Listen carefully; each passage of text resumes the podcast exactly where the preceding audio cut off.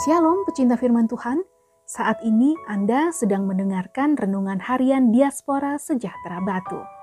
Renungan kali ini berjudul Menjadi Bijak dalam Mengelola Ego. Ayat Alkitab terambil dari kejadian 34 ayat 1 sampai 5. Dina dan Sikem Pada suatu kali pergilah Dina, anak perempuan Lea yang dilahirkannya bagi Yakub, mengunjungi perempuan-perempuan di negeri itu. Ketika itu terlihatlah ia oleh Sikem, anak Hemor, orang Hewi, raja negeri itu. Lalu Dina itu dilarikannya dan diperkosanya. Tetapi terikatlah hatinya kepada Dina, anak Yakub. Ia cinta kepada gadis itu, lalu menenangkan hati gadis itu. Sebab itu berkatalah Sikem kepada Hemor ayahnya, Ambillah bagiku gadis ini untuk menjadi istriku. Kedengaranlah kepada Yakub bahwa Sikem mencemari Dina.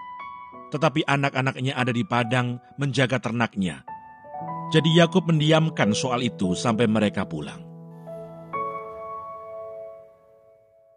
Ketika itu terlihatlah ia oleh Sikem, anak Hemor, orang Hewi, raja negeri itu, lalu Dina itu dilarikannya dan diperkosanya.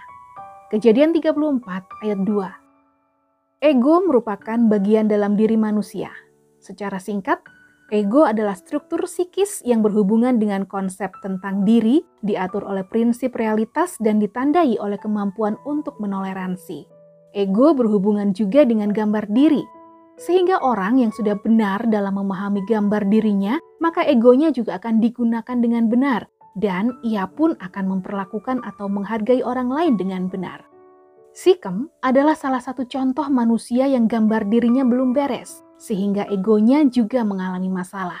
Dalam hal ini, Sikem tidak bisa menghargai Dina sebagai makhluk Tuhan yang harus dihargai. Tidak ada hukum yang melarang Sikem untuk mengagumi kecantikan Dina. Namun rasa kagum tersebut tidak seharusnya melanggar batas-batas etika dalam hidup.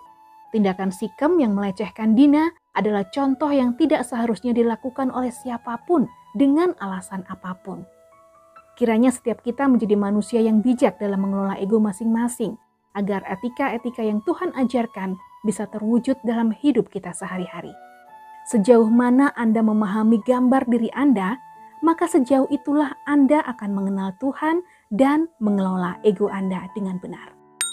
Orang yang tak dapat mengendalikan diri adalah seperti kota yang roboh temboknya. Amsal 25 ayat 28. Tuhan Yesus memberkati.